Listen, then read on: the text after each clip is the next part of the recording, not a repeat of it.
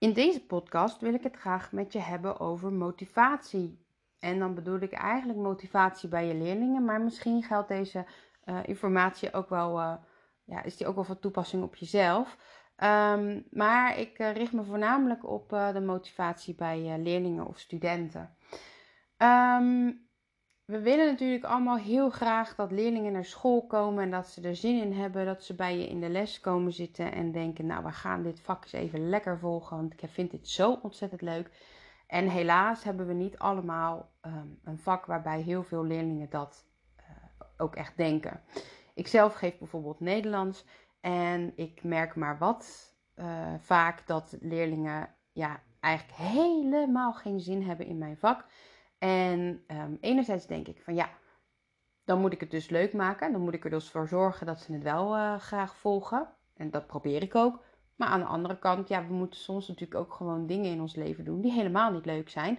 En waar je even overheen moet stappen om toch ergens te komen waar je uiteindelijk graag zou willen komen.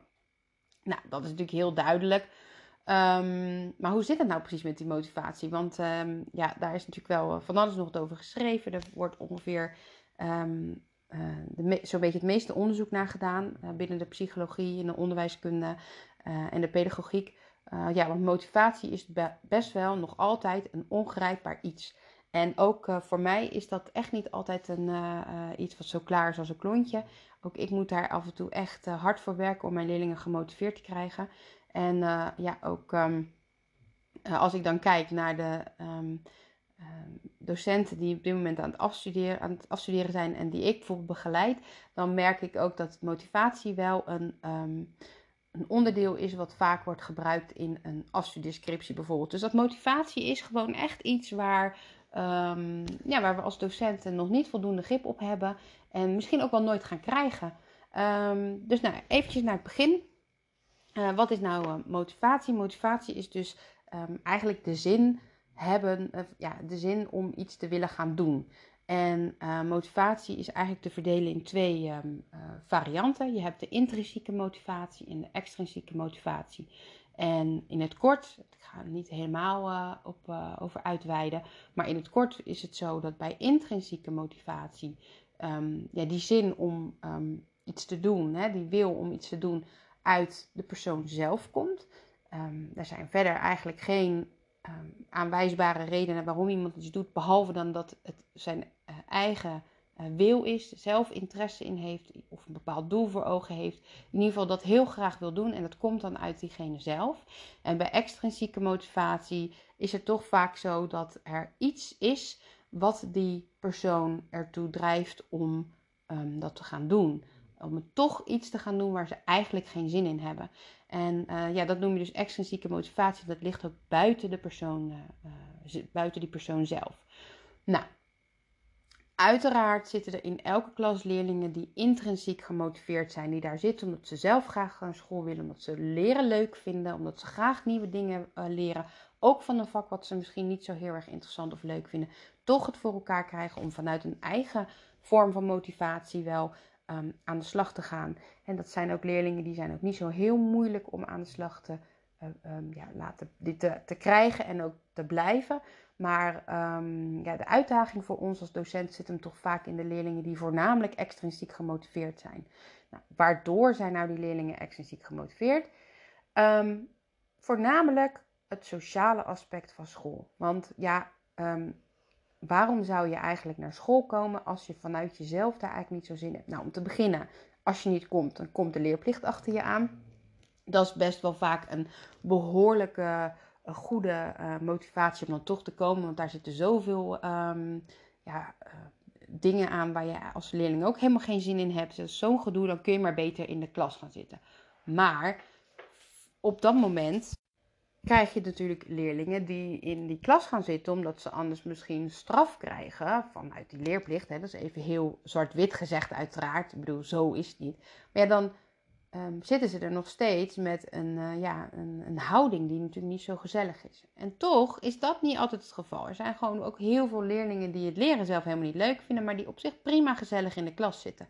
Dus waar worden die nou door gemotiveerd? Hè? Dus dan laten we even dat stukje leerplicht uh, ambt, nou dat laten we achter ons. Nee, die leerlingen die uh, bij ons in de klas zitten die niet zozeer zelf heel graag willen leren van jou, maar uh, of die niet, zozeer, die niet zozeer heel graag willen leren, maar wel daar in de klas zitten en eigenlijk ook best wel gemotiveerd lijken te zijn op momenten, die worden getriggerd door het sociale aspect van school. Dus hun vrienden zijn op school. Die jongen waar ze verliefd op zijn, misschien, die loopt op school rond, die zien ze in de pauze weer. Er loopt een ontzettend leuke docent rond op school die onwijs goed les geeft. En alleen daarvoor al zou je uh, graag naar school komen. Maar vergeet bijvoorbeeld ook niet, er zijn leerlingen die het thuis gewoon niet zo naar hun zin hebben. En die eigenlijk gewoon liever op school zijn dan thuis. Dus er kunnen van allerlei soorten uh, redenen zijn waardoor leerlingen um, naar school komen. Zonder dat ze zelf een intrinsieke motivatie hebben om te gaan leren. Um, nou, dat is op zich is daar niks mis mee. Ze zitten dan in de klas, ze zijn ook nog eens goed gemutst. Maar ja, de concentratie is misschien niet alles.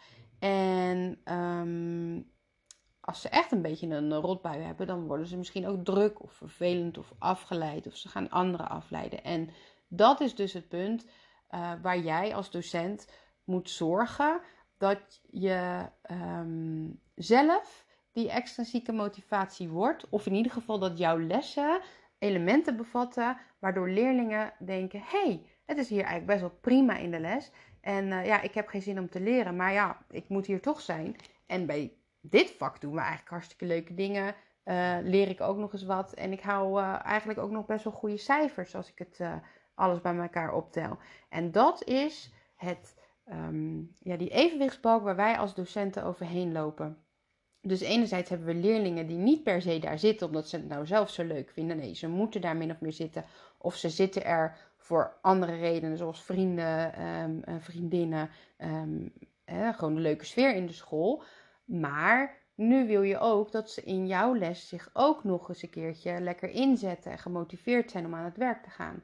Nou, en op dat punt komen, um, ja, is, is het eigenlijk aan jou. En als jij op dit punt denkt, nou, ik ga uh, voor die klas staan en ik ga 20 minuten praten en dan maken we een, heleboel opdrachten en vervolgens kijken we die na en ik geef een berghuiswerk mee en dat doen we de volgende les weer, dan is daar op zich niks mis mee. Dat is, ja, dat, als dat bij jou past, is dat natuurlijk uh, jouw ding. Maar ik denk dat er um, zeker manieren zijn om leerlingen dan toch wat meer te motiveren en wat uh, actiever in de klas te krijgen. En daar zijn activerende werkvormen gewoon echt een hele uh, goede manier voor. Um, waar ik wel graag voor wil waken is het dat ik het idee, um, dat je van mij het idee krijgt dat ik vind dat een les altijd maar leuk moet zijn.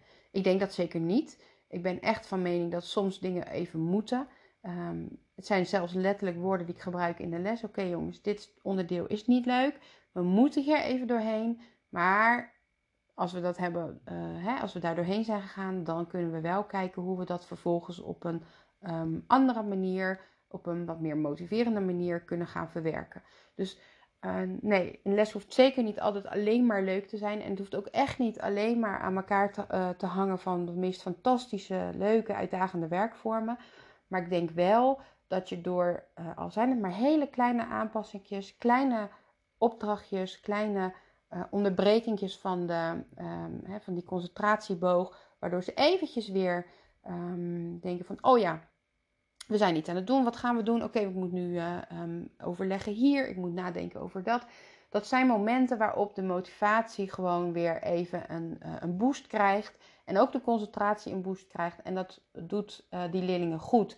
En dat zijn ook de momentjes waarop leerlingen denken: hé, hey, dit is eigenlijk best wel leuk.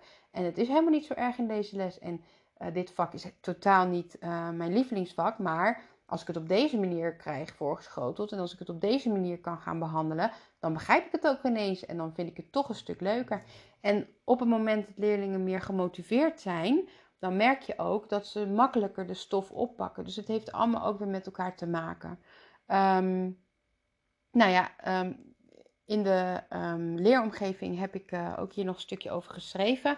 En ik heb ook een aantal ja, verwijzingen naar de literatuur uh, opgeschreven. Dus mocht je zeggen, nou, die motivatie, daar wil ik eigenlijk wel meer van weten, dan zou je daar eventueel kunnen beginnen om eens wat te lezen over hoe dat nou gaat met motivatie.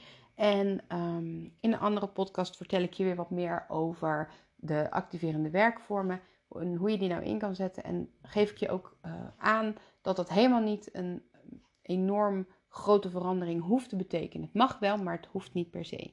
Dus um, voor nu weer veel succes met je cursus en tot de volgende podcast.